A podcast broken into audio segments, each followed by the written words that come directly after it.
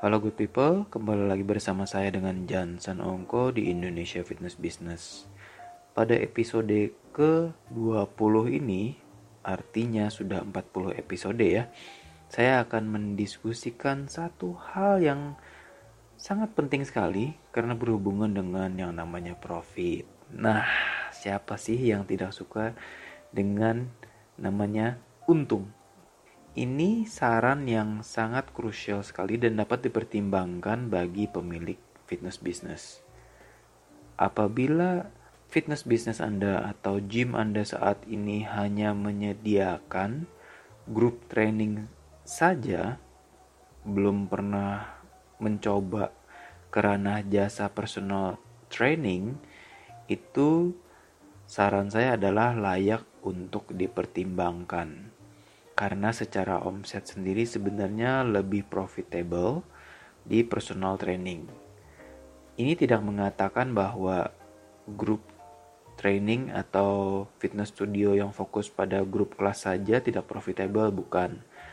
Berbicara tentang personal training itu tidak terbatas di strength training saja. Jadi tidak hanya untuk ini ya, angkat beban. Personal training itu juga bisa dari yoga, bisa pilates, bisa pound fit, any group class itu bisa di set atau diubah menjadi private yang di mana audiensnya lebih kecil. Baik itu one on one atau one on two atau one on four. Jadi setupnya sendiri bukan grup kelas yang di mana sudah memiliki fix schedule. Kenapa saya bilang personal training ini lebih menguntungkan ada beberapa hal yang mungkin dapat menjadi pertimbangan bagi Anda yang sudah memiliki fitness business. Yang pertama adalah bagi fitness studio itu sendiri, trafficnya sudah ada. Mungkin mereka datang ke tempat Anda untuk berlatih grup training saja, baik itu functional training, functional class, atau group class, any group class baik Zumba, dan ya pound fit apa pun itu yang sedang populer saat ini. Tapi karena trafficnya sudah ada, artinya ada kesempatan bagi Anda untuk mengubah mereka yang rutin mengikuti grup training menjadi klien personal training. Kenapa personal training itu uh, seperti yang saya jelaskan tadi menguntungkan adalah ya karena tidak memakan tempat yang spacious. Let's say fitness studio, fitness studio dengan kelas-kelasnya memiliki kapasitas tertentu sehingga tidak bisa bertambah lagi. Nah, personal training itu tidak memakan luas atau tempat yang besar. Selain itu, secara waktu dia lebih fleksibel. Dan biasanya uh, itu di luar dari schedule fix grup kelas dan itu di mana waktu-waktunya personal training ini ya uh, berlangsung. Ya memang ada di saat jam-jam populer sebelum masuk kantor atau setelah pulang kantor pagi dan sore itu.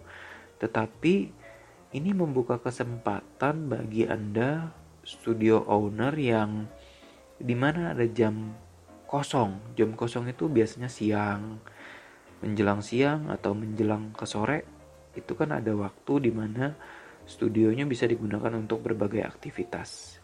Itulah kenapa saya menyarankan ada personal training. Nah, karena sudah ada trafficnya, tempat sudah ada, kemudian secara waktu juga fleksibel.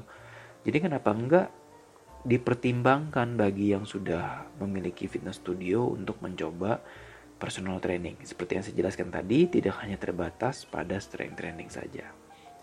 Nah, walaupun skillnya, approachnya, uh, style dalam dalam melatih personal training itu berbeda dengan grup training, tapi itu semua uh, bisa dipelajari.